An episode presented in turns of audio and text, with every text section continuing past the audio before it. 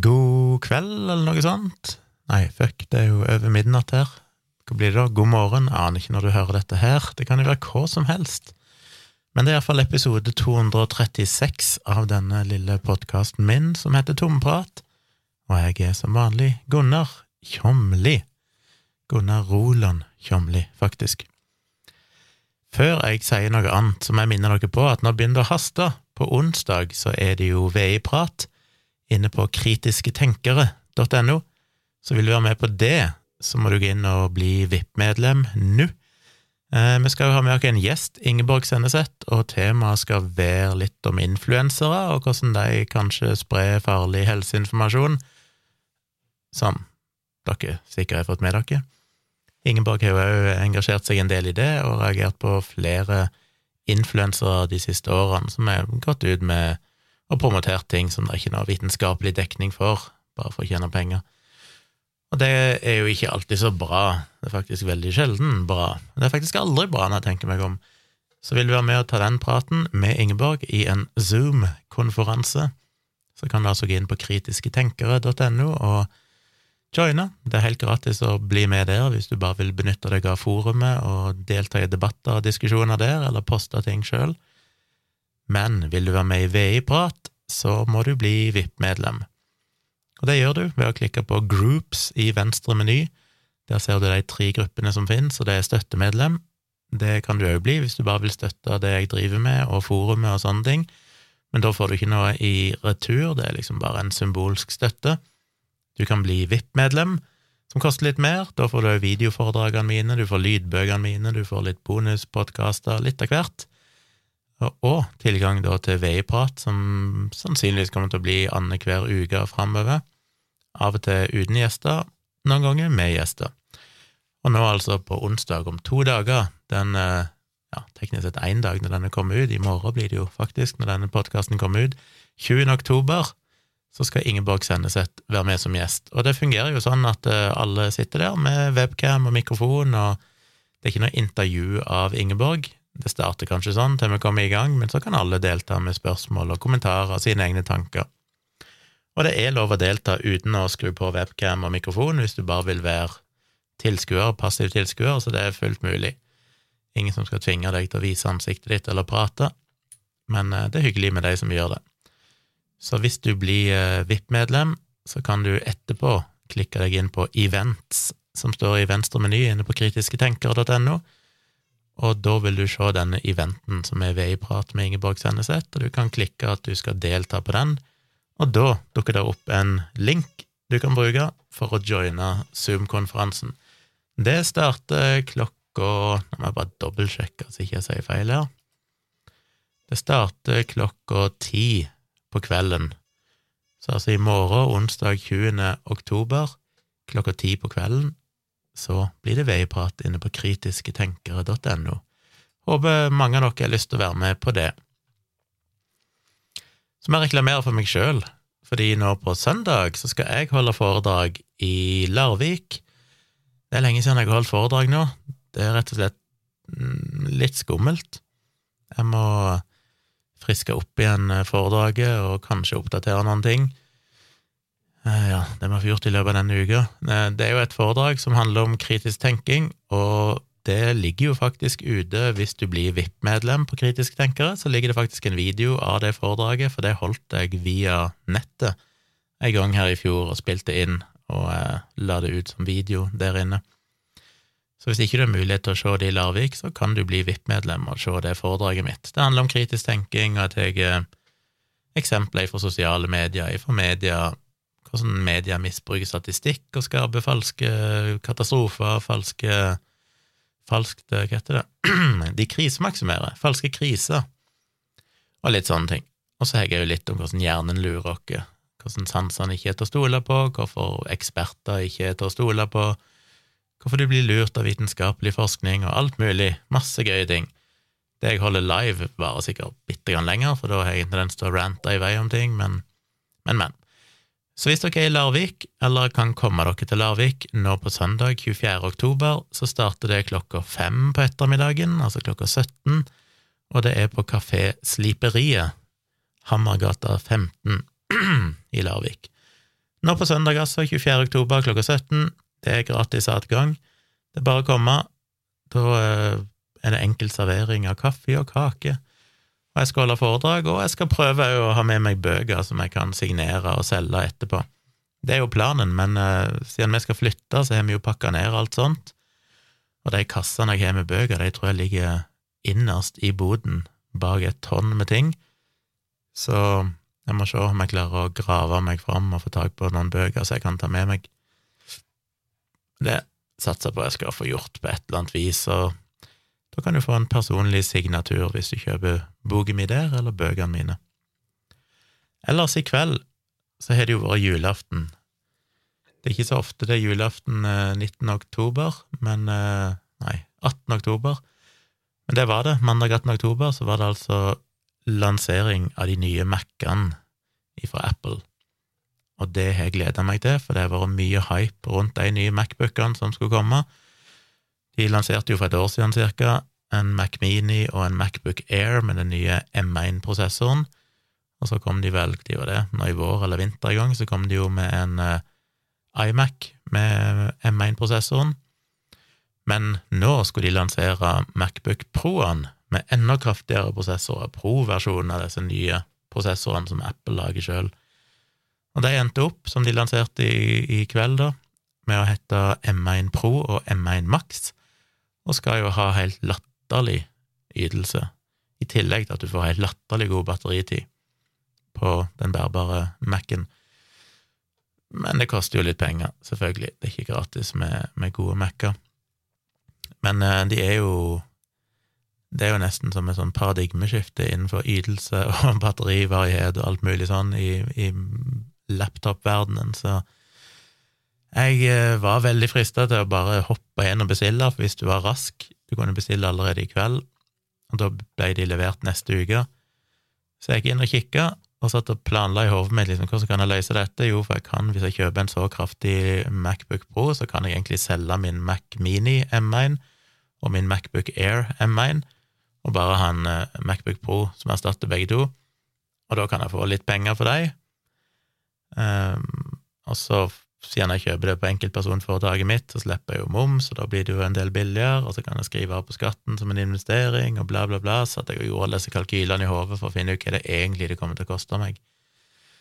Men innen jeg hadde klart å få uh, tenkt nok på det, så endra plutselig leveringstida seg til at uh, de ville bli levert i begynnelsen av november i gang, fordi det var tydeligvis de første, første batchen allerede utsolgt.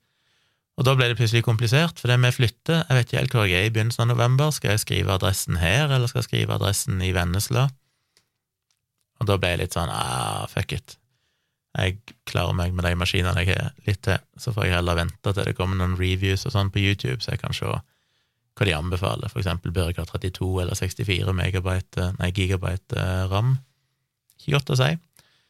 Kan være, Jeg har alltid lyst til å kjøpe det beste, men det kan være 64 overkill på de maskinene der, siden ikke jeg driver med noe sånn avansert 3D-rendering og avansert videoredigering og sånn, så sparer en jo noen kroner på det. Så jeg tenker for kanskje heller bare vente. Det kjipe er jo det hvis det blir så rift om det, at det er sånn hvis ikke du kjøpte nå, så må du liksom vente til i mars for å få tak på de, eller noe sånt. Skulle det skje, så er kanskje det en blessing in disguise, for da har kanskje nye iMac-er kommet istedenfor, og kanskje det er mer fornuftig, jeg vet ikke. Jeg tror egentlig ikke det. Men uh, For jeg har allerede et par gode skjermer her, så det å kjøpe en iMac som jo har skjermen innebygd, blir nesten å betale for noe som jeg egentlig ikke trenger. Så det beste hadde jo vært om de hadde lansert en ny Mac Mini med de nye prosessorene, som bare kunne erstatta den Mac Minien jeg er her på kontoret mitt, men det er for gøy med de nye Mac-ene. De er jo gått litt retro, de er gått litt tilbake igjen. De har fjerna den der fuckings touchbaren som jeg hater, heldigvis. Det er ulikt Apple og innse ok, dette var en um, Dette var sett en, uh, et feilgrep. Men de fjerner den, og skryter av at nå får du tastaturknapper, fysiske knapper, for disse funksjonene, som om det er bare Apple som kan selge det inn som om dette liksom er banebrytende greier, når det basically er sånn det er på alle andre maskiner i hele verden. Eh, men de har jo fått tilbake en HDMI-port. Det er ganske kjekt å ha når jeg er rundt og holder foredrag, for eksempel. Da slipper jeg å ha med meg en dongle til det, en sånn adapter. De har fått SD-kortleser tilbake igjen, det hadde de før i Macbooker. Da kunne du stikke SD-kortet rett inn i Mac-en og lese ut filene. Det trengte jo jeg aldri i den tid de hadde det, men så begynte jeg jo med foto, og da hadde de akkurat fjerna det. Så det må jo si en ting jeg ville ha satt pris på, hatt en Macbook med en SD-kortleser. Det ville være praktisk, slippe å ta seg med seg eh, en egen SD-kortleser som en eh, tilleggsdings der òg. Og hva mer hadde de? Uh, ja, det var vel de to tingene på en måte som var å gå tilbake igjen litt, og så hadde de jo en del porter som var raske og kjekke, og du kan koble til et tonn med skjermer og alt mulig. Så definitivt uh, gode maskiner. Eneste selvfølgelig folk syns er litt sånn kjipt, er at de har fått notchen til, eller busslomma, er det noen som kaller den, til iPhonen. Fordi de har utvida skjermen sånn at det nesten ikke er noen kant lenger. Det er ikke noen sånn svart kant rundt skjermen, men da for å få plass til kamera i toppen av skjermen, så må de ha en sånn liten dings, en liten svart uh, strek, firkant, som stikker ned. Og det tror jeg har basically ingen betydning, fordi at på Mac-ene så er det jo fast en sånn menylinje på toppen som er der hele tida, og den uh, notchen den vil jo bare fylle den, den vil ikke påvirke selve innholdet på skjermen. Og hvis du går i fullscreen, så går fullscreenen bare opp til den notchen, så den vil heller ikke blokkere noe. Så hvis du ser video på fullscreen, så vil du ikke merke det, for det vil bare være en litt større svart kant på toppen enn det som er vanlig, så det plager meg virkelig ikke. Men uh, litt kjipt at jeg ikke fikk inn noe Face ID når de først var i gang. Det hadde jo vært litt kjekt å få det på Mac-er snart, at du bare åpner Mac-en, og så skanner han ansiktet ditt, og så låser han opp. Men det er ikke det viktigste. Så jeg sparte noen penger på å være litt treig i dag, for jeg var litt sånn spontan der og tenkte fuck, nå bare hopper jeg i det, kjører på, bestiller, jeg klarer ikke å Hvorfor trenger jeg sånne maskiner? Jo, jeg trenger det fordi at for eksempel nå driver jeg og redigerer bildene fra forrige fotoshoot fra den restauranten, kafé, nei, ikke kafé, Brasserihansken. Og det er litt treigt. Eh, det er store filer, og når du gjør litt endringer på de, så merker du at det tar litt tid for ting å oppdatere seg, og det er fryktelig plagsomt.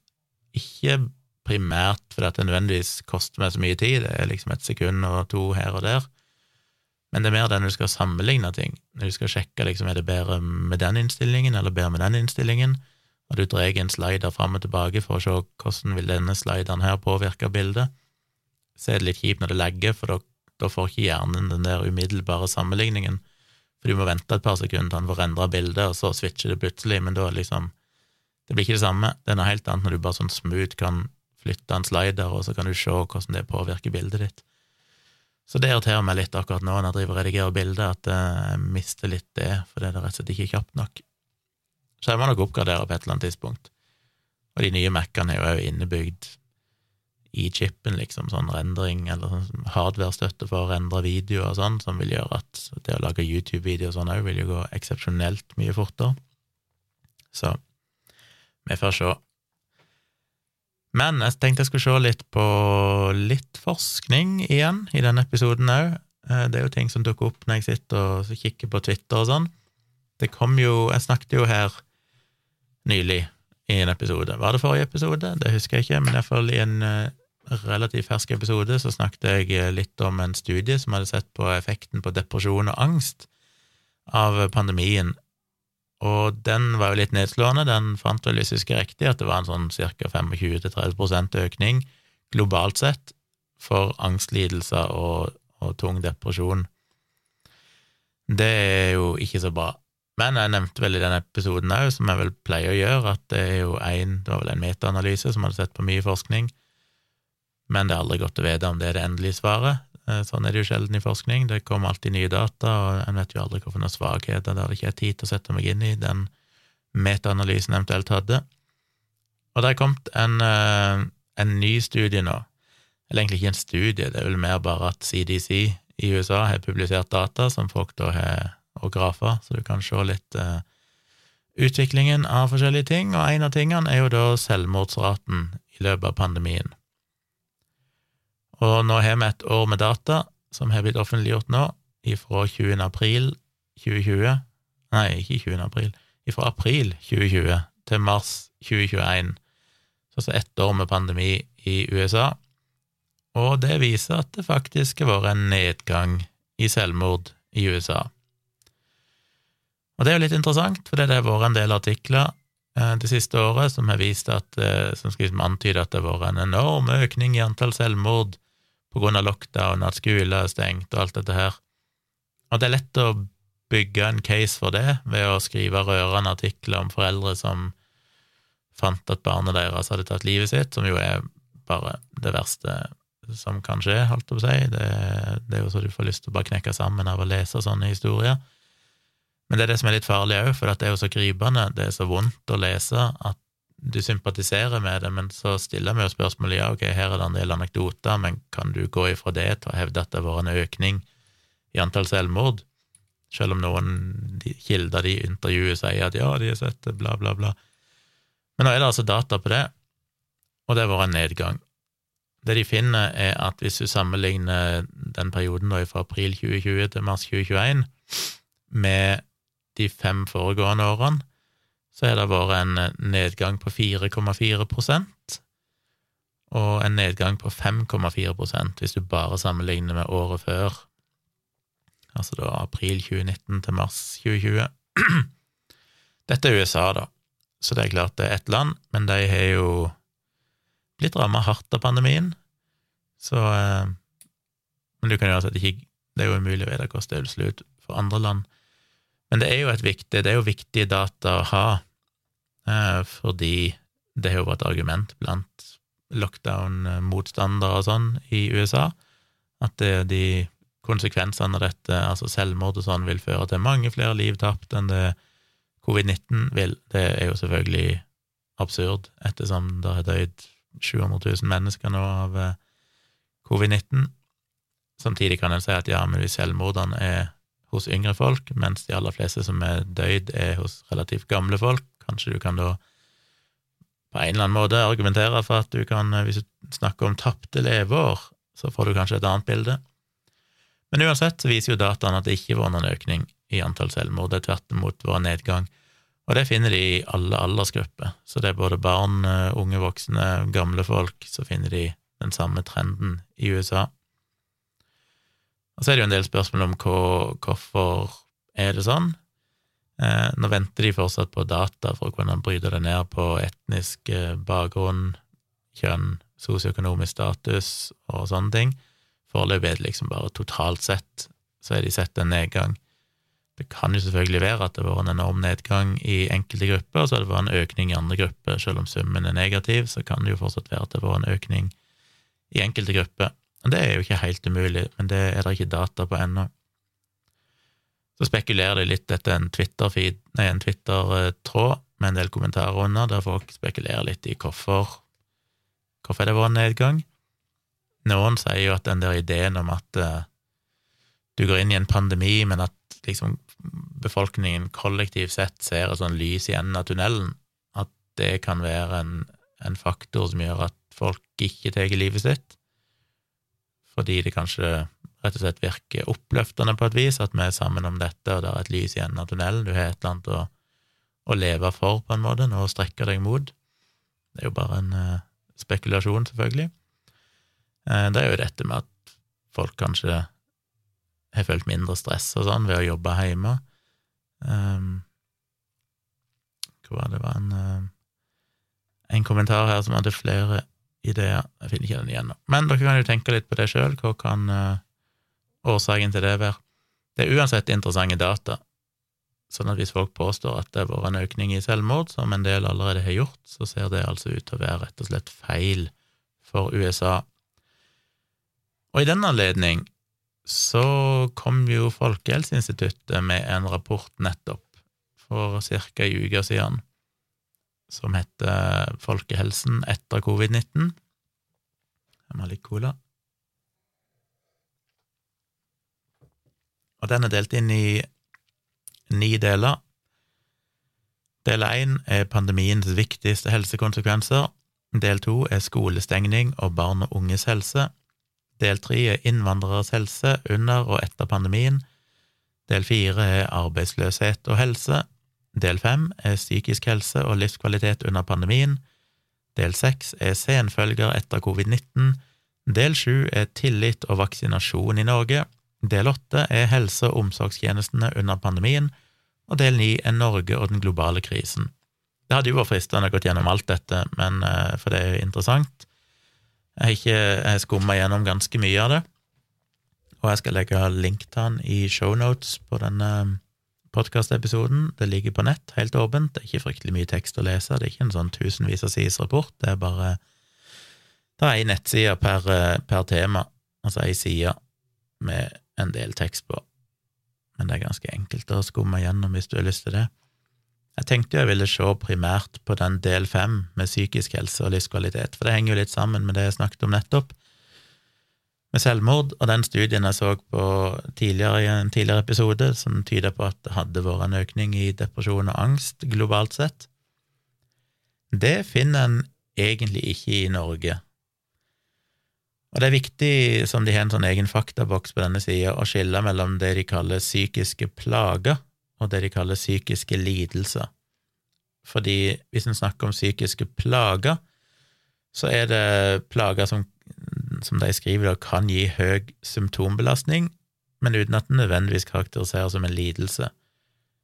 En psykisk lidelse det er når symptombelastningen er så stor og en sånn karakter at kriteriene for en klinisk diagnose som for eksempel angst, depresjon, schizofreni eller bipolar lidelse, er oppfylt.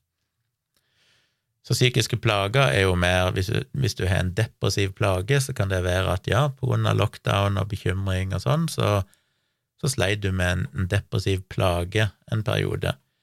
Men det er ikke en sånn det er ikke en klinisk depresjon i den forstand at du får en diagnose for å være klinisk deprimert, eh, og sammen med angst.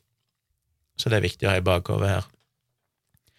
I denne rapporten så må en jo si først og fremst at datagrunnlaget er dårlig, så det er ingenting her en kan slå veldig fast. Jeg har jo vært innom minst en av de studiene tidligere, i en tidligere episode, den som gikk eh, på de første månedene av pandemien, som jo ikke fant noen, noen økning.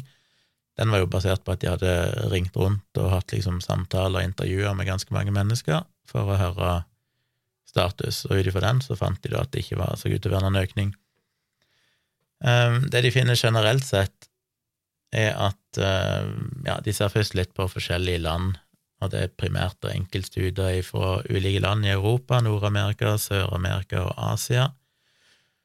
Og det de finner, er jo at ulike grupper har vært ramma veldig ulikt, og dette vil jo variere mye fra land til land, avhengig av smittepress og hvilke tiltak som var innført og sånn.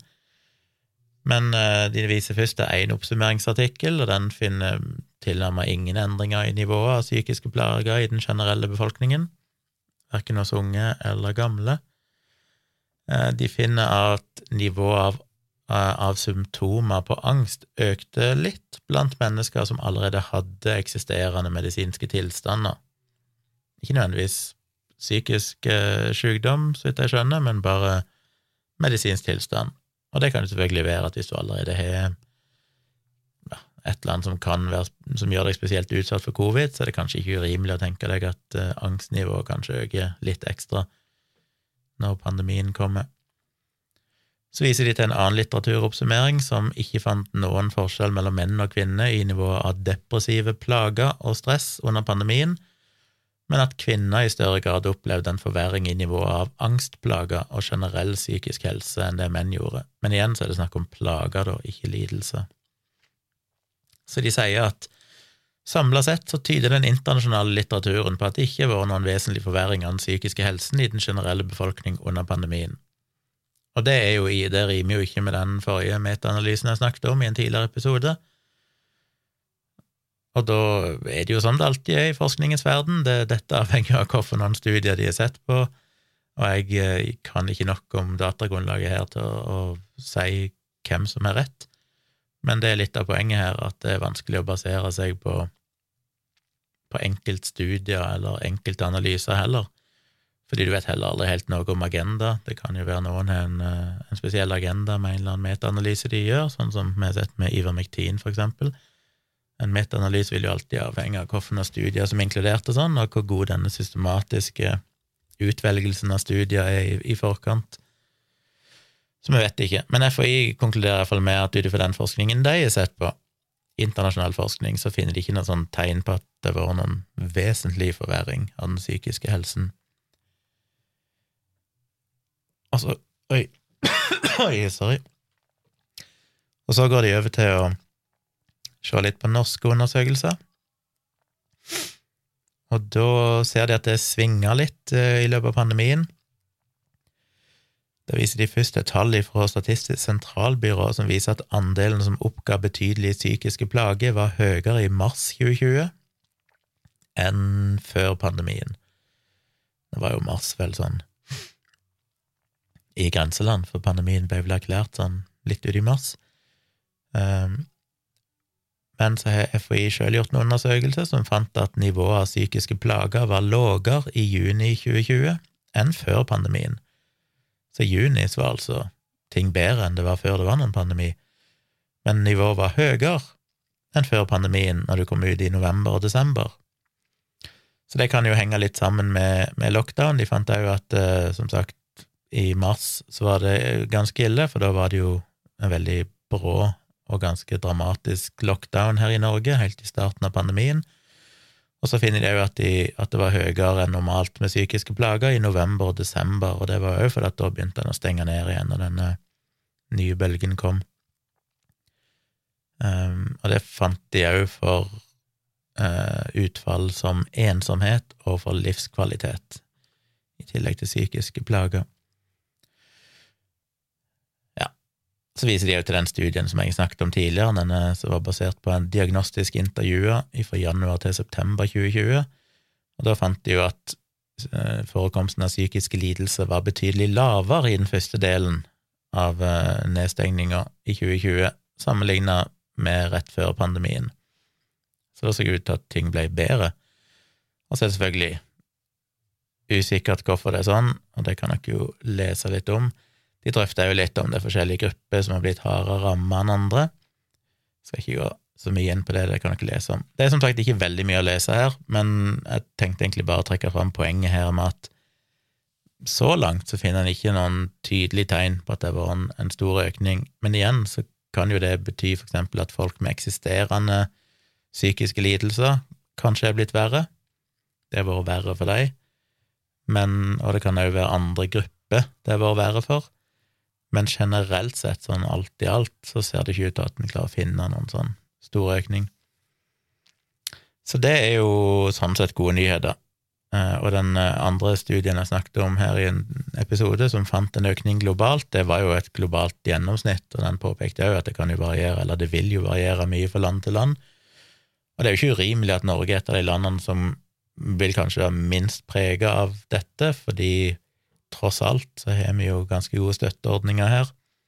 Um, ingenting er perfekt, og det er definitivt folk som er slitt økonomisk og sånn under pandemien og har mista jobb og alt mulig rart. Men sånn i en internasjonal sammenheng så har vi jo et godt støtteapparat i Norge som gjør at det skal slå mindre ut enn det kan ha gjort i andre land. Ikke minst har vi jo hatt lite dødsfall. Det er klart, når du kommer til land som USA, der 1% av befolkningen over over 65 år eller et eller annet sånt, har dødd av covid-19, så rammer jo det de aller fleste. Altså I USA så har jo de det er jo sånn 0,2% av befolkningen totalt sett har jo dødd i hele USA. Og Da er det klart at da er det jo Da vil du som regel kjenne noen, du vil ha noen i familien. Det vil være en ganske stor andel av befolkningen som har merka det mer på kroppen gjennom ren død og alvorlig sykdom enn det vi har her i Norge. Og det er klart det påvirker jo selvfølgelig hvordan du ser på tilværelsen. Så, så jeg lenker iallfall til den. Eh, og som sagt, det er mange andre interessante vurderinger de har gjort. Det her med skolestenging, hvordan det påvirker barn, og hvordan det er godt for innvandrere. Arbeidsløshet, senfølger etter covid-19 og alt dette her. Så mye interessant å lese der. Og så over til noe helt annet. Jeg fikk en mail ifra en av mine trofaste lyttere, Erik Arnesen, som skriver Hei, Gunnar, siden du tidligere har snakket om veganisme og etikk, lurer jeg på ditt syn på etikken rundt det å spise insekter. Det er jo mye interesse for det som alternativ proteinkilde, men sikkert mange synspunkter på hvorvidt insekter kan sammenlignes med pattedyr. Kan man si det er mer moralsk forsvarlig med oppdrett og drap av insekter? Og så viser han til en eh, artikkel om dette, eller en forskningsartikkel, der han òg skriver at hvis ikke jeg får tilgang til han, så må jeg gi beskjed. fordi eh, han får jo tilgang til disse databasene. Det gjør ikke jeg, for jeg har ikke noe tilgang via noe universitet eller arbeidsplass. Jeg har en plug-in installert som heter Unpaywall, som jeg anbefaler dere. Unpaywalled heter han vel, hvis jeg ikke husker feil. Skal vi se. Nei, Unpaywall heter han. Uh, og det er en plug-in du kan bruke i de fleste nettlesere. Og den gjør rett og slett at når du går inn på en vitenskapelig artikkel, så er det en sånn bitte liten dings på høyre side av skjermen som, hvis, som da automatisk leter for å se finnes denne artikkelen i fulltekstversjon tilgjengelig på nettet noen plass. Og I så fall så kommer det opp en sånn grønn indikator som du kan klikke på, og da tar han deg direkte til fulltekstversjonen. I dette tilfellet fikk jeg en grå indikator med en hengelås på, som betyr at han finner dessverre ikke noen gratis eh, fullversjon av denne artikkelen, så da får jeg ikke lest hele. Um, og jeg kunne jo spart dette til en senere episode, men jeg hadde lyst til å snakke om det nå, så da rekker jeg ikke å, å gi beskjed til Erik, til Erik, om at han må sende meg fullversjonen. Men det var for så vidt interessant nok å snakke om bare det som står i abstractet, altså den oppsummeringen, den korte oppsummeringen, for da peker han på tre måter å se dette på som er interessante. Før det så må jeg jo si at konteksten her er jo at jeg sjøl har diskutert veganisme og liksom etikken rundt det å oppdrette og ta liv av dyr mange ganger i forskjellige podkaster og livestreams og sånn. Jeg har jo helt siden starten alltid kalt meg en Ja, hva er det jeg har sagt? At jeg er en eh, jeg er en, teoretisk veganer, eller et eller annet sånt, fordi jeg har vel alltid følt at det er vanskelig å argumentere imot at det er på en måte rett å være veganer.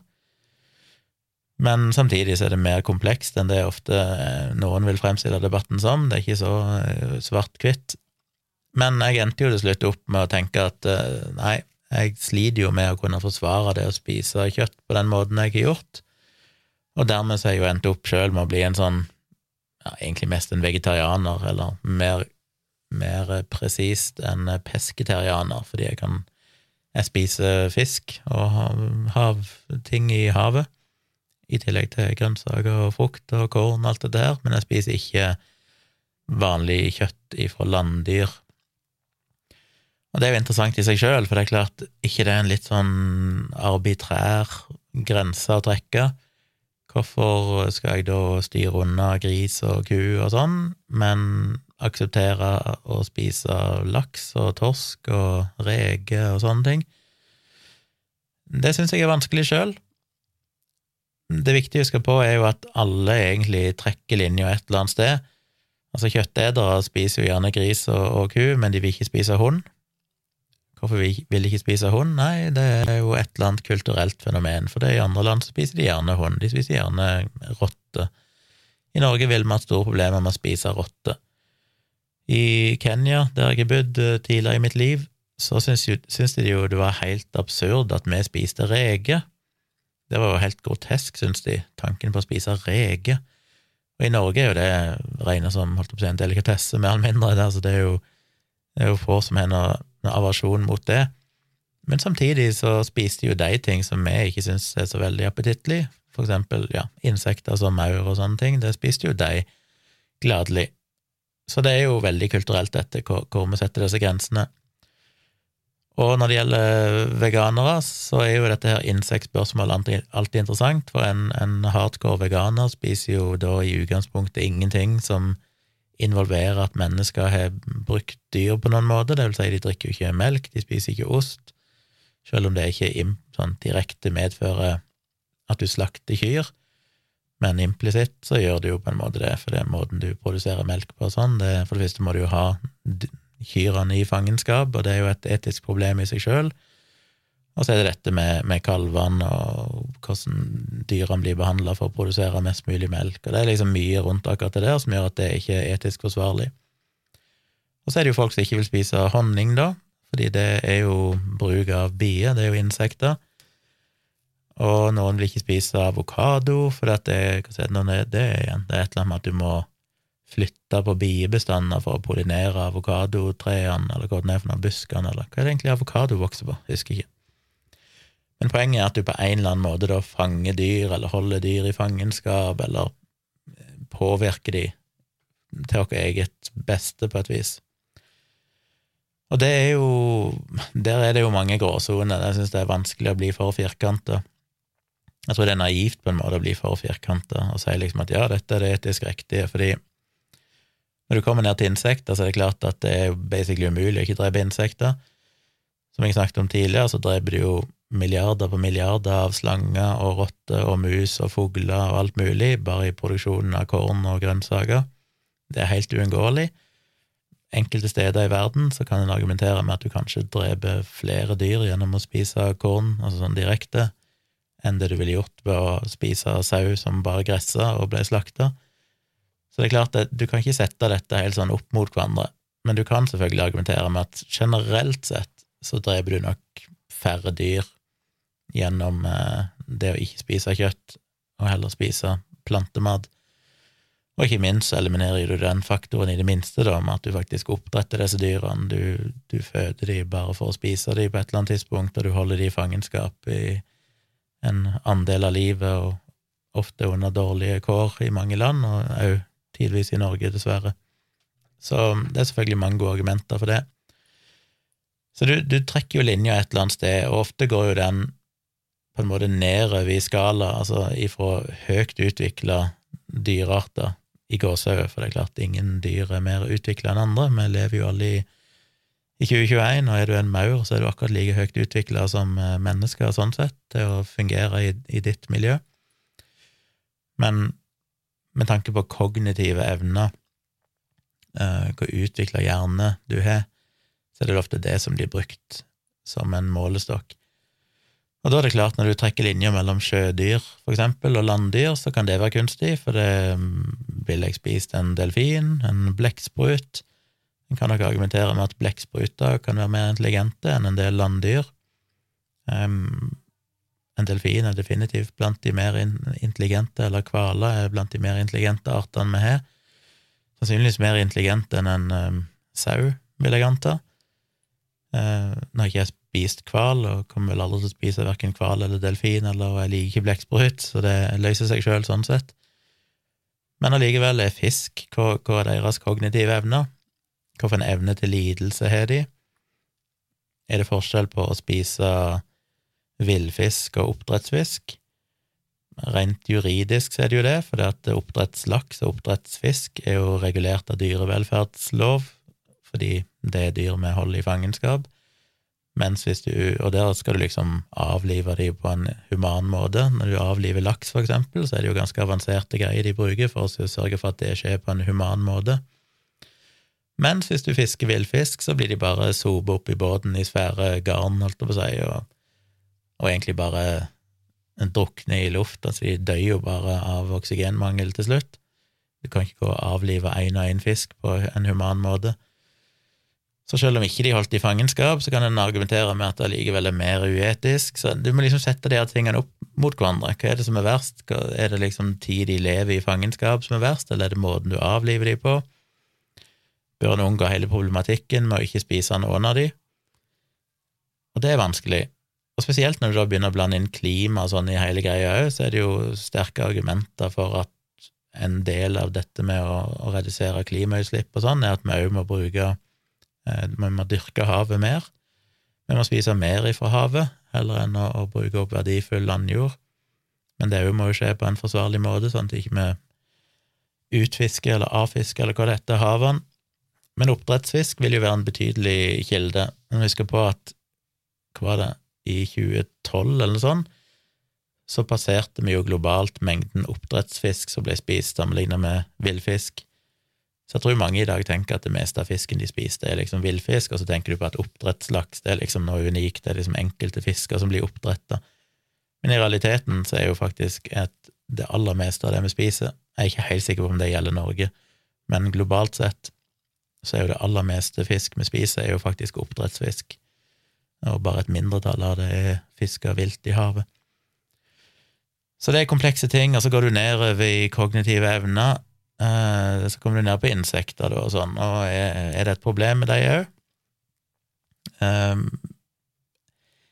det blir òg vanskelig, både fordi at du må se det i et større perspektiv enn kanskje bare dyreetikk, du må òg se det i klima, eh, klimakontekst. Fordi kanskje vi er nødt for å få nok proteiner til å dyrke, oppdrette spise insekter. Og det er iallfall bedre klimamessig enn å spise kjøtt ifra kyr, for eksempel. Men er det bedre dyrevelferdsmessig og rent sånn etisk? Og det er jo det jeg vil diskutere litt her nå, for jeg har jo ikke noe fasitsvar. Og dette må jo alle bare komme fram til sine egne vurderinger på, og det er ingen som vet. Det er jo det som er problemet. Vi vet jo heller ikke noe for noen kognitive evner en katt har, eller en fisk. Vi kan anta noe, men vi vet jo ikke. Og det er jo vært et viktig argument for meg òg, som alle slettes ikke er enig med. Det er jo òg dette med at i hvilken grad vet vi om en sau eller en ku har, har noen form for selvbevissthet? Vi kan se at de kan uttrykke smerte, reagere på smerte. Vi kan se at de kanskje har en slags sorg. Um, men er det altså, Har de allikevel en bevisst opplevelse av det, eller er det mer en sånn instinktiv greie? Og det er ikke hypotetisk heller, for husk på at vi er kanskje ikke så fryktelig langt unna å kunne lage roboter som kan simulere dette veldig godt. Og da kommer vi i det samme dilemmaet. Kan du si at en robot som er såpass oppegående at det vil være vanskelig å se at dette er bare kunstig intelligens, skal de da automatisk få de samme rettighetene som mennesker, eller skal de få de samme rettighetene som kyr? Vil en veganer ha et problem med å avlive ei ku og spise, men ikke med å, å knuse en robot som kanskje har teknisk sett høyere kognitive evner enn det en, en ku har? Altså, hvor trekker vi disse grensene? Jeg vil jo tro at de fleste veganere er jo ofte litt sånn Det er nok mer en sånn respekt for naturen og alt dette her, så de vil kanskje ikke se på, på en robot på samme vis, men det vil jo i så fall være helt feil, for det, hvis du kan utvikle avanserte nok nevrale nettverk og sånn i disse maskinene, så hvordan kan vi da si at ikke de skal ha den samme beskyttelsen? Så alt dette her er jo Det, det blir veldig kunstige skillelinjer med trekket, og på en måte så koker det jo bare ned til din egen følelse av moral. Jeg tror ikke du kan kategorisk si at det er galt å ta livet av en sau, men du ikke har noe problem med å knuse en datamaskin som om kanskje 50 år er såpass avansert at de vil kunne ha en større forståelse av verden enn det en sau har. Men så er jo spørsmålet da, ja, ok, du kan simulere forståelse av verden gjennom avansert eh, AI, men har de fortsatt en bevissthet? Altså, er de, er de bevisste på noe vis? Og det er, jo, det er jo skrevet mye science fiction og, filosofi rundt det. Hvordan, hvordan vurderer du det? Hvordan måler du det? Og det blir jo det samme med en sau. Hvordan måler du det? Uh, ja, hvordan vurderer du rett og slett om de er selvbevisste? Kan en dokumentere bevise det på noe vis? Nå hender jo disse testene med dyr, der du maler en rød prikk i panna på en sjimpanse, for eksempel, og så viser de holder et speil foran de, og en bruker jo det som en slags sånn enkel måte å teste om de har en slags idé om sitt eget selv. Eh, det er om de da peker, eller begynner å ta på den røde prikken på panna si, som betyr at de ser speilbildet og skjønner at det de ser i speilbildet, er seg sjøl, og derfor så tar de til sin egen panne for å finne ut hva den her røde prikken er for noe. Og det er de vel klart i enkelte dyrearter, um, inklusiv delfiner, mener jeg å huske. Men det er ikke mange, det er noen få arter som liksom klarer den testen der. Men beviser det at de har en sjølbevissthet? Kanskje, det viser vel kanskje iallfall at de skjønner at de eksisterer i denne verden. At når de ser et speilbilde, så er det de sjøl, de har en sånn idé om jeget. Men hvis ikke de klarer den testen, da, en ku klarer ikke den testen, en hund klarer ikke den testen, hvordan skal vi tolke det? Skal vi da tolke det som at de ikke er klar over at de eksisterer? Og hvis ikke de er klar over at de eksisterer, kan du da si at de kan ha noen reell lidelse på noe selvs vis? Det blir jo veldig sånn uh, filosofisk på et vis, det, men det blir jo litt det samme som ja, hvis du ligger i full narkose, og noen stikker deg med ei nål, har de da gjort noe galt med deg? Hvis jeg hadde gjort det mens du var våken og kunne reagere, så ville det vært ondskapsfullt og påføre deg en sånn skade eller smerte. Men hvis du ikke er bevisst det, du vil aldri vite at det skjedde når du våkner opp igjen, er det da fortsatt moralsk feil?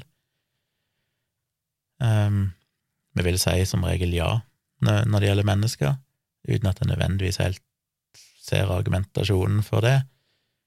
Um, ja, det er komplisert, det er poenget mitt. Jeg ikke, kan ikke gå inn i alle disse her veiene, for da blir vi aldri ferdig med denne episoden, men det er mye å tenke på. Og poenget er iallfall det at når du kommer helt ned til insekter, så kan en iallfall begynne å diskutere med hvor mye holdt å si, menneskeverd til deg, hvor mye verdi skal de ha? Kan de oppleve lidelse? Og han eh, forfatteren av denne artikkelen her, som heter Bob Fisher, som har skrevet en artikkel som heter How to reply to some ethical objections to entom... entomofagi, entomofagi, som vel må bety et eller annet eh, med å dyrke insekter til mat, eller bruke insekter til mat, publisert i et tidsskrift som heter Annals of the Entomological Society of America i 2019.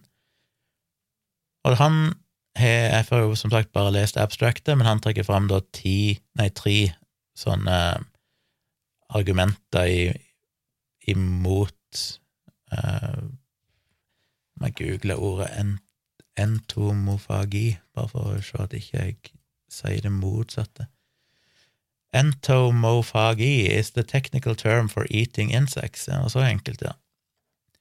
Så han tar for seg tre etiske argumenter imot det å spise insekter, og prøver da å svare på dem.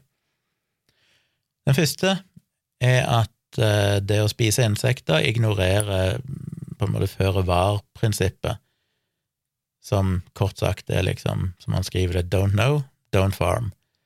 Altså, selv om, ikke, selv om vi egentlig har evidens kanskje på at insekter ikke kan være bevisste, så er vi ikke helt sikre på det. Vi kan ikke bevise at ikke en maur eller en veps har en slags selvbevissthet. Og som et føre-var-prinsipp da, så burde vi ikke ta risikoen på at vi da skal dyrke milliarder av de og drepe de til mat. Og det er jo på en måte det som gjelder som veganere vel òg da vil bruke for å ikke spise annen type kjøtt. Eh, for vi har jo ikke noe bevis for at en sau eller en ku har noen form for selvbevissthet, men det er et slags føre-var-prinsipp, at vi vet jo ikke at ikke de har det.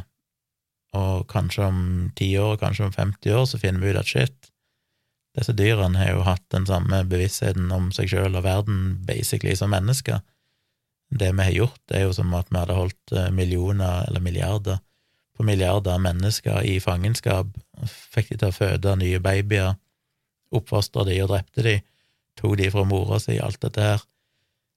Basically det samme, men per i dag så tenker vi ikke på det sånn, for vi anser det som at nei, de har ikke helt den samme virkelighetsoppfatningen som det mennesker har. Men vi vet jo ikke det, og derfor så vil folk ikke spise kjøtt ifra, for den type dyr.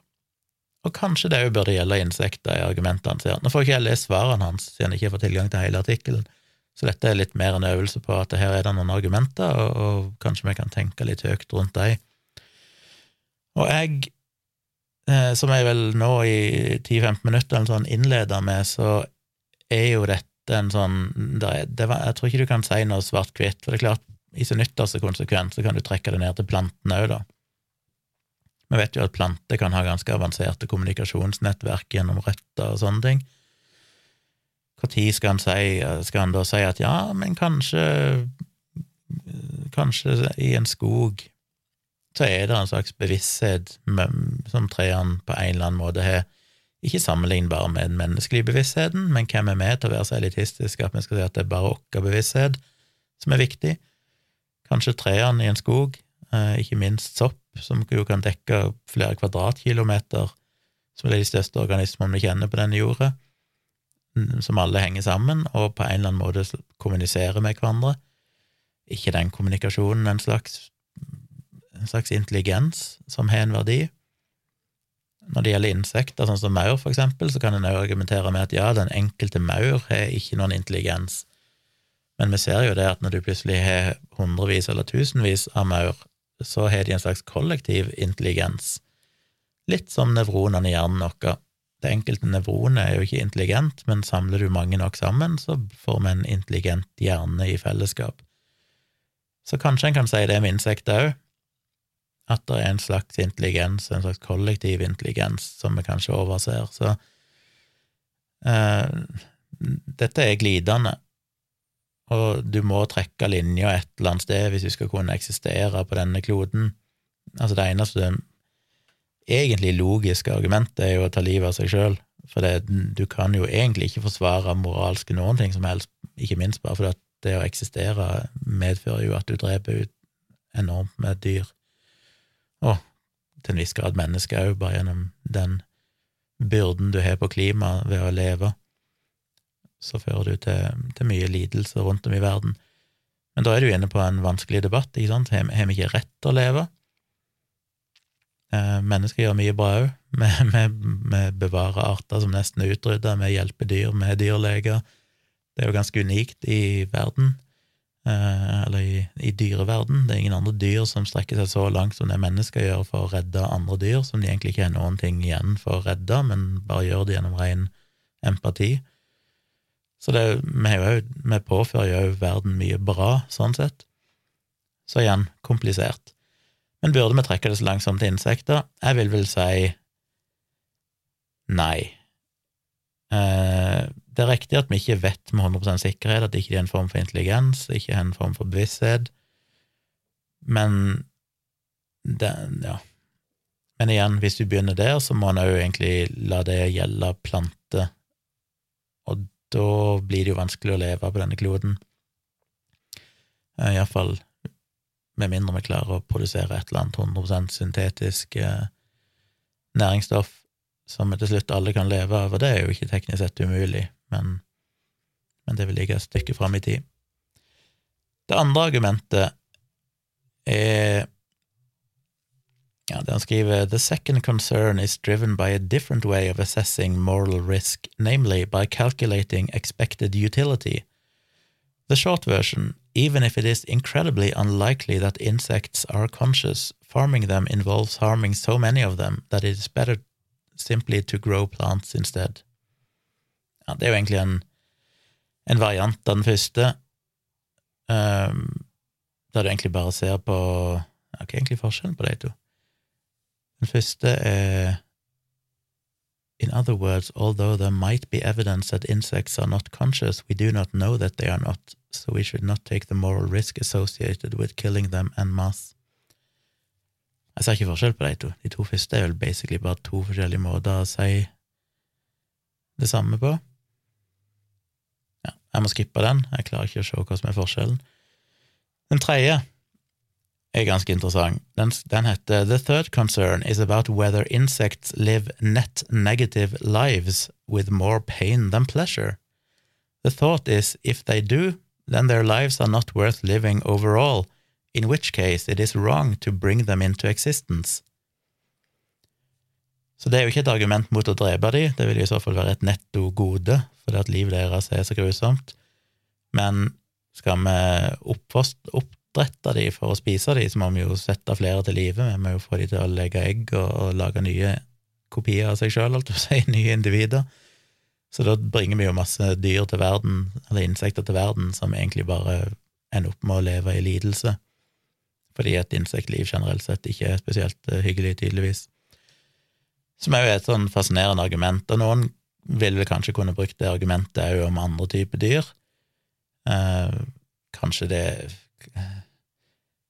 ja, kanskje det er uetisk og i det hele tatt å oppfostre nye dyr i det hele tatt, fordi at vi vet ikke om de faktisk trives med å leve. Noen vil kanskje si det om mennesker òg, at det er umoralsk å føde babyer, for det, ethvert menneske kan jo ende opp med å leve et liv i lidelse, og det, det vet du ikke, og derfor er det best å la være.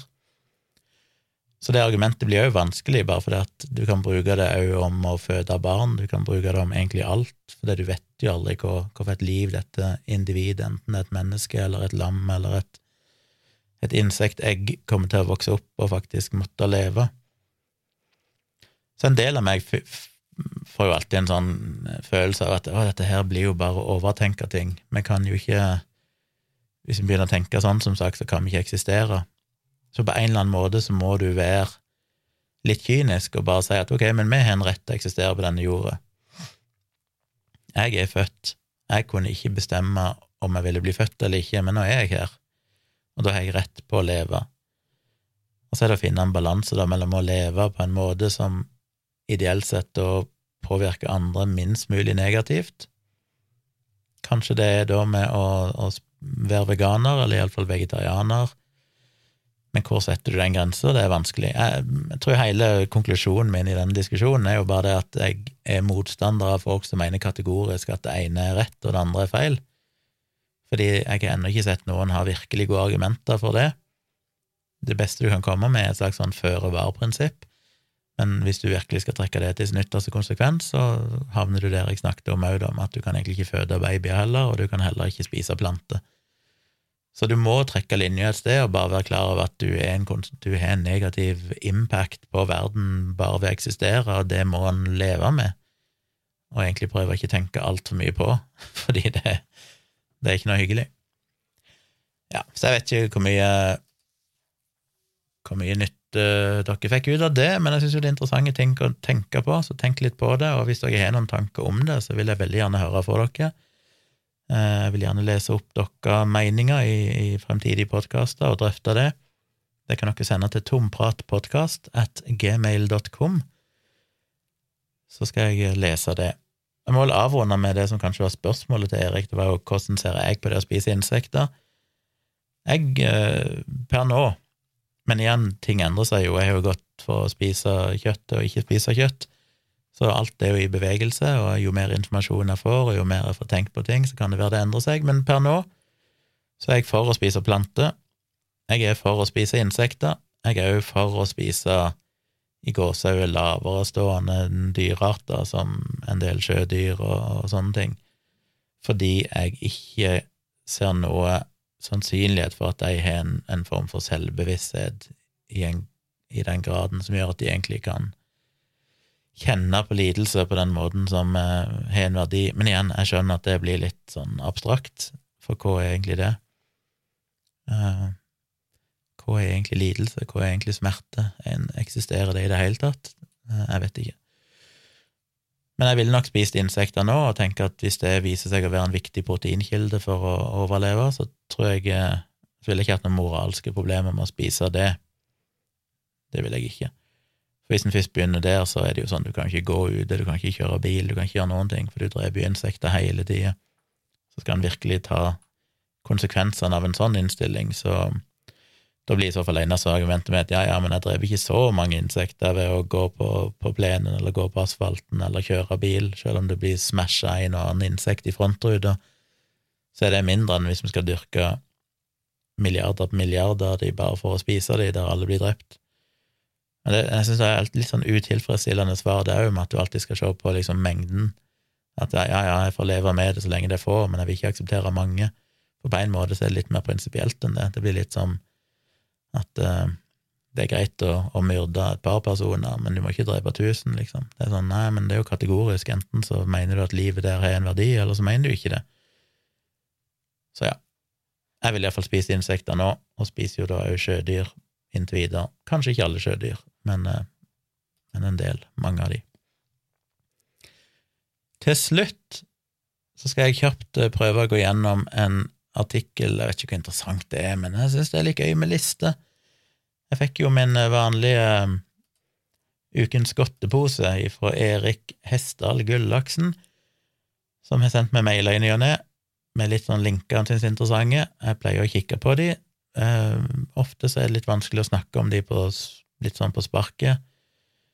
For jeg vet ikke helt hvordan jeg skal angripe temaet, selv om det kanskje er interessant. Men det var en her som jeg tenkte kunne være litt interessant å se på, og det var Ja, han innleder det sånn Jeg blir ofte bombardert med tips og triks til å øke produktiviteten din. Det er sikkert mye backet av vitenskap, men jeg mistenker at det også er mye bullshit og myter rundt dette. Veldig mange ønsker jo å bli mer produktiv, derfor er det nok mange aktører som ønsker å gi svar på godt og vondt. Denne artikkelen tar for seg syv sånne tips som den hevder er myter. Kanskje noe du kan snakke om på podkasten, og hvordan du relaterer deg til disse tipsene.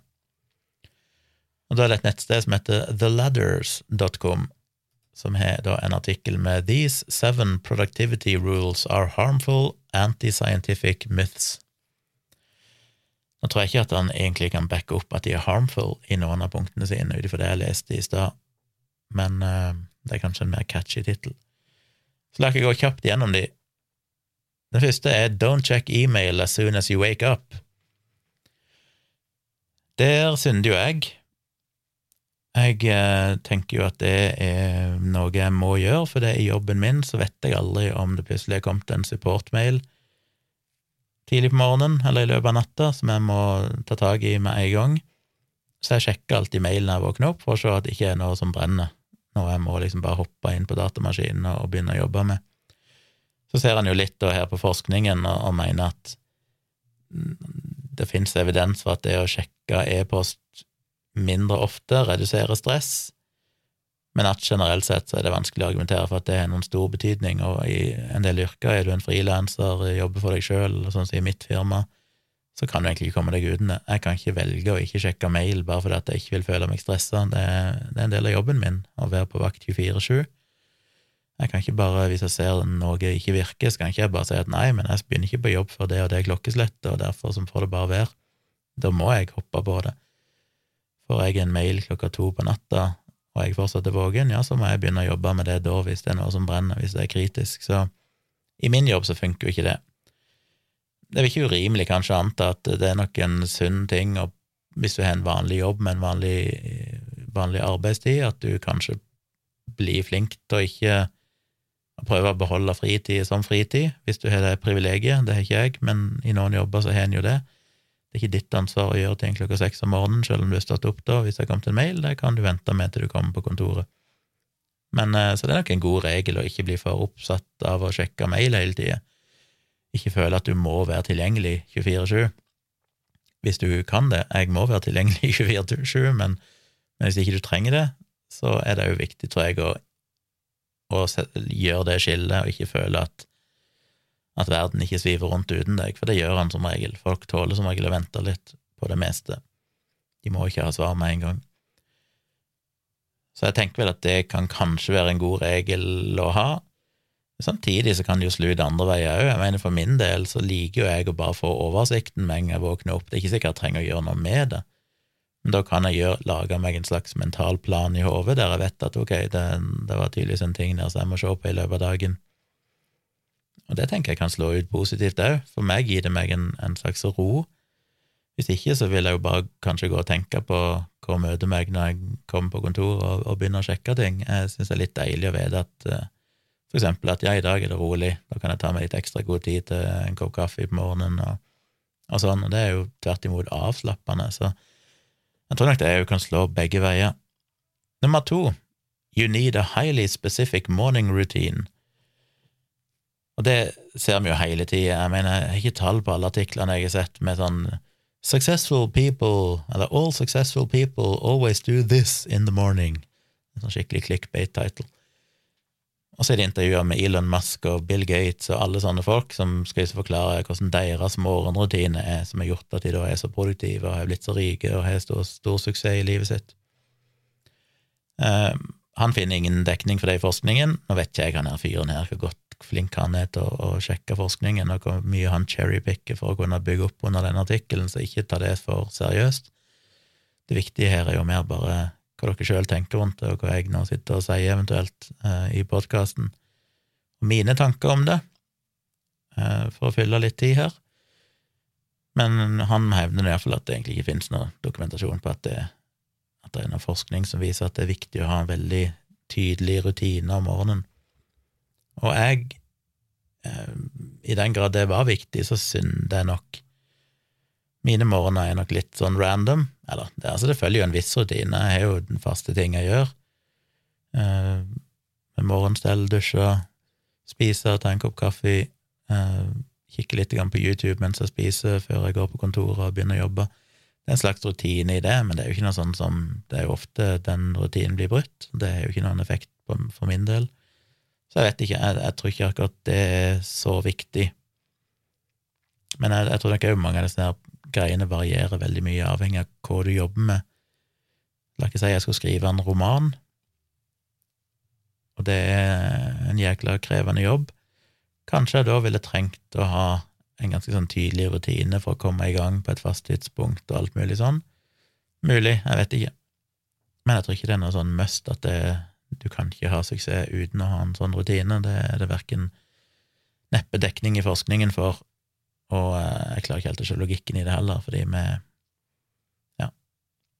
Nummer tre, you can't wear pajamas to get shit done. Ideen der er at du må liksom kle deg i, i skikkelig klede og liksom komme deg i gang med dagen for å virkelig være produktiv. Den synder jo jeg med mange ganger. Det er ikke så rent sjelden at jeg, iallfall de dagene hvis jeg ser det noe som haster litt, så kan jeg ikke ta meg tid til å dusje og sånne ting først, og går den nesten rett ifra senga, og så sjekker jeg mail og så, oh, shit, og så må jeg rett inn på kontoret, og da sitter jeg her i bokseren min og jobber. Av og til kan jeg bli sittende i mange timer da, før jeg endelig kan gå og ta meg en dusj og kle på meg og sånne ting. Um, men hvis ikke det brenner, så tenker jeg heller ikke det noe å si. Jeg, for min del, sånn tvert imot, jeg syns jo det er deilig å bare kunne chille, og ikke nødvendigvis måtte kle på meg fullt og sånn for å jobbe. Jeg har jo hjemmekontor, det er litt mer problematisk kanskje hvis du deler kontor med andre og kommer på jobb i bokseren, men, men har du hjemmekontor, og sitter alene, så er det vanskelig å, se noe problem med det. Og han finner vel heller ikke noe dekning i forskningen for at det skulle faktisk ha noen betydning. Men jeg vet jo at det er mye sånn psykologi, eh, sånn eh, iallfall kommersialisert populærpsykologi, som tilsier at du må alltid liksom ja, fake it till you make it-lignende tanke. Altså at hvis du skal være, ha suksess, så må du jo kle deg som om du har suksess. At det har noe med måten du tenker på. At du kommer ikke i riktig modus før liksom klærne og sånn er på plass og alt dette her, da. Så tror ikke det er veldig god vitenskapelig dekning for det, men det er jo veldig subjektivt. Kanskje det funker for noen. Fire, you can't take breaks, also known as deep work. Det er visst basert på ei bok som kom i 2016 som heter Deep Work, der han argumentert, forfatteren argumenterte veldig for at uh, skal du få noe gjort, så må du liksom jobbe mange timer i strekk i dyp konsentrasjon. Du kan ikke drive og ta pauser og sånn, for da bryter du liksom flowen, og da får du ikke gjort noen ting. For min del så er jo det litt motsatt. Det er jo ikke sånn at jeg bestemmer meg for at nå skal jeg jobbe liksom ni timer i strekk. Det er jo mer det at hvis jeg jobber med noe som jeg blir engasjert i, så kan jeg godt jobbe Jeg har jo tidvis jobba sånn 36 timer i strekk med å sitte og programmere, um, og det er dypt tilfredsstillende. Jeg får gjort ekstremt mye. Men det er ikke fordi jeg bestemmer meg for å gjøre det, det er fordi at jeg begynner å jobbe på noe som er viktig, og så klarer jeg ikke å gi slipp på det, fordi at jeg er liksom in the flow. Så det blir litt mer som sånn den litt sånn magiske inspirasjonen. Dette, det er bare noe som kommer over deg, som ikke du bestemmer over. Og så er det jo punkt nummer fem, som heter, er det motsatte. You have to take breaks, also known as pomodoro. Og Det er jo en sånn teknikk. Du kan installere sånne apper på datamaskiner sånn, med sånn pomodoro-timer som du kan sette tidsintervaller, kanskje sånn 25 minutter, og så får du beskjed om at når du jobber i 25 minutter, nå skal du ta fem minutter pause, og da må du gjøre det. Og så etter fem minutter så jobber du igjen 25 minutter. Noen mener at det er den eneste måten å være produktiv på, at du må ta hyppige, faste pauser til regelmessige pauser. Og på begge de så ser det ut til å være relativt lite vitenskapelig forskning som skal tyde på at det virker. Jeg tenker at det blir vanskelig å finne noe forskning på det, for jeg kan aldri tenke meg at det er likt for alle mennesker. Det må jo være det kommer jo helt an på jobben du har, og det kommer an på personligheten din. Eh, det er ikke sånn, For den enkelte personen så kan det godt være at det vil gjøre deg mer effektiv, men jeg tror det er vanskelig å si det på generelt nivå, at det skal funke. Og så er det jo mye placeboeffekt i det òg, at hvis du tar i bruk en ny måte å jobbe på, så kan det ofte være inspirerende i seg sjøl. Det er litt som hvis jeg flytter kontor og, og må liksom rigge opp alt på nytt på et, eh, et, nytt kontor, så blir jeg veldig inspirert i en periode. Det føles så mye mer motiverende å jobbe, for det er nye omgivelser og alt dette her. Men det betyr ikke at det er noe med det kontoret i seg sjøl, det er jo bare det at jeg faktisk flytter. Um, som minner meg litt om denne her uh, Hawthorne-effekten innenfor vitenskapelig forskning. At enhver endring du gjør i omgivelsene dine, fører til at du jobber bedre hvis du blir observert. Hvis du ja, øker lysmengden litt, så jobber du bedre. Hvis du øker den enda mer, så jobber du enda bedre. Hvis du senker den igjen, så jobber du òg bedre. Alle sånne forandringer fører til at du på en måte blir mer motivert. Um, nei, det er bare resultater som er vanskelig å replikere i ettertid, så det er kanskje òg bare en psykologisk myte. Men poenget er at det er mye sånn i omgivelsene som kan inspirere deg, men det vil ofte ha tidsbegrensa effekt. Det vil funke en periode, men så blir jo det rutine, og så funker ikke det så godt lenger. Så må du kanskje bytte til en annen metode. Så endringer er jo ofte en god ting. Jeg får jo et kick av å få en ny datamaskin, eller ja, bruke en ny type software som jeg ikke har brukt før. Altså Alle sånne ting gjør meg mer produktiv en liten periode, fordi det inspirerer. Men eh, det er jo ikke noe med de programmene eller datamaskinen i seg sjøl som har den effekten. Det er jo bare endringen. Sex, you need a consistent bedtime. Der synder jo jeg, jeg legger meg jo til alle døgnets tider, eh, stort sett altfor seint. Men der har en jo sett på noe forskning som fant at eh, hvis du ser på folk som gjør det veldig bra, eksempel på høyere utdanning, og andre folk, så finner de ikke at det er noen forskjell i hvor tid de legger seg, eller hvor konsistente de er i leggetida si og sånn. Så det ser ut til å være en myte. Enten du er veldig en såkalt high performer eller en low performer, så ser det ut til at folk er like uregelmessige i tid de legger seg. Så det er vanskelig å kunne si at du, du må legge deg klokka ti hver kveld for at du skal kunne være produktiv. Det vil jo være veldig individuelt. Sju, siste punkt, give up caffeine to attain peak productivity. Og der er det jo sikkert delte meninger. Argumentet her er at uh, ja, at du må ikke drikke kaffe, for det er avhengighetsskapende, og det skal ikke hjelpe deg. Du, når du begynner å drikke kaffe, så blir du egentlig bare venner du deg til koffeinen, og etter det så får du egentlig ikke noe kick av det, og, og det funker ikke. Dette er jo litt sånn komplisert med hvordan kaffe virker. Jeg føler jeg leser litt sprikende informasjon om akkurat det. Han viser her til en studie som basically sier at ja, du utvikler en, en liten toleranse for koffein når du først begynner å drikke kaffe, men det betyr ikke at når du drikker kaffe seinere, så får du ikke et sånn lite stimulerende kick. Det gjør du fortsatt, mener han da forskningen viser. Så det er ikke sånn at du blir komplett tolerant for koffein og ikke reagerer på det lenger. Selv når du drikker kaffe jevnlig, så vil du fortsatt få noe igjen av å drikke en kopp kaffe. Personlig så merker jeg aldri noe til det. Jeg kan jo drikke tre liter kaffe klokka to om natta og sove som en, en baby uansett. Så jeg vet ikke hva det sier om meg. Eh, det er kanskje individuelt hvordan du reagerer på koffein. Jeg liker en kopp kaffe om morgenen mest bare fordi at Delvis fordi det er en rutine, og litt fordi at eh, jeg liker smaken og alt dette her. Men jeg har jo aldri noensinne, hvis jeg har vært et sted der jeg ikke har tilgang på kaffe, følte at jeg var mindre produktiv eller mer sløv eller noen ting sånn. Så jeg vet ikke. Det er jo vanskelig å vurdere subjektivt òg, for vi blir jo lurt av alle disse her Vi blir lurt av så mye av hjernen vår, så det kan ikke jeg vurdere ut ifra meg sjøl. Og det er jo definitivt dokumentert at kaffe, koffein har en oppkvikkende effekt og, og påvirker søvn til folk. Husker jeg hadde tenkt å blogge om det en gang, skrive sånn hvor bullshit det var med at du ikke kunne at du fikk problemer med å sove når du drakk kaffe, men da jeg begynte å researche det, så fant jeg jo at det var temmelig god vitenskapelig dekning for å hevde at det faktisk påvirker søvnen til folk, så den bloggposten skrev jeg aldri. Men for min egen del, rent subjektivt, så har jeg aldri merka noe til det. Jeg er nok ganske herda på koffein. Men jeg liker kaffe. Det gjør jeg. Um, ja. Så det var de sju reglene. Jeg vet ikke hva dere tenker om det. Igjen, hvis dere har noen tanker om det, send gjerne til tompratpodkast.gmil.com, så vil jeg gjerne høre hva dere føler om det. Jeg skal runde av, jeg snakka lenge nok. Jeg minner dere igjen på å stikke inn på kritisketenker.no og registrere dere som eh, blir betalende VIP-medlem, så dere kan være med på VI-praten nå onsdag i morgen, 20. oktober, klokka ti på kvelden, eh, via Zoom. Og så at jeg skal holde foredrag i Larvik nå på søndag klokka fem. Håper kanskje jeg ser noen av dere der. Hvis dere er der, så må dere komme bort og si hei. Så lenker jeg til alle kildene og det jeg snakker om i shownote, så dere kan lese mer detaljer om det sjøl. Da tror jeg ikke jeg har så mye mer å si. Jeg skal være gjest i en podkast på mandag eh, som heter Dekodet. Snakker om kritisk tenking. Jeg vet ikke helt når den episoden kommer ut, men det er jo alltid gøy. Og så skal jeg ha en ny fotoshoot neste uke. Så det skjer ting, og så er det jo flytting. Så det begynner å, nå begynner det virkelig å nærme seg. Nå er det mindre enn to uker til vi skal flytte, så det begynner å haste litt med å fuckings finne flyttebyrå og sånne ting, da. Får gjøre det i morgen. Vi høres igjen på fredag med en ny episode.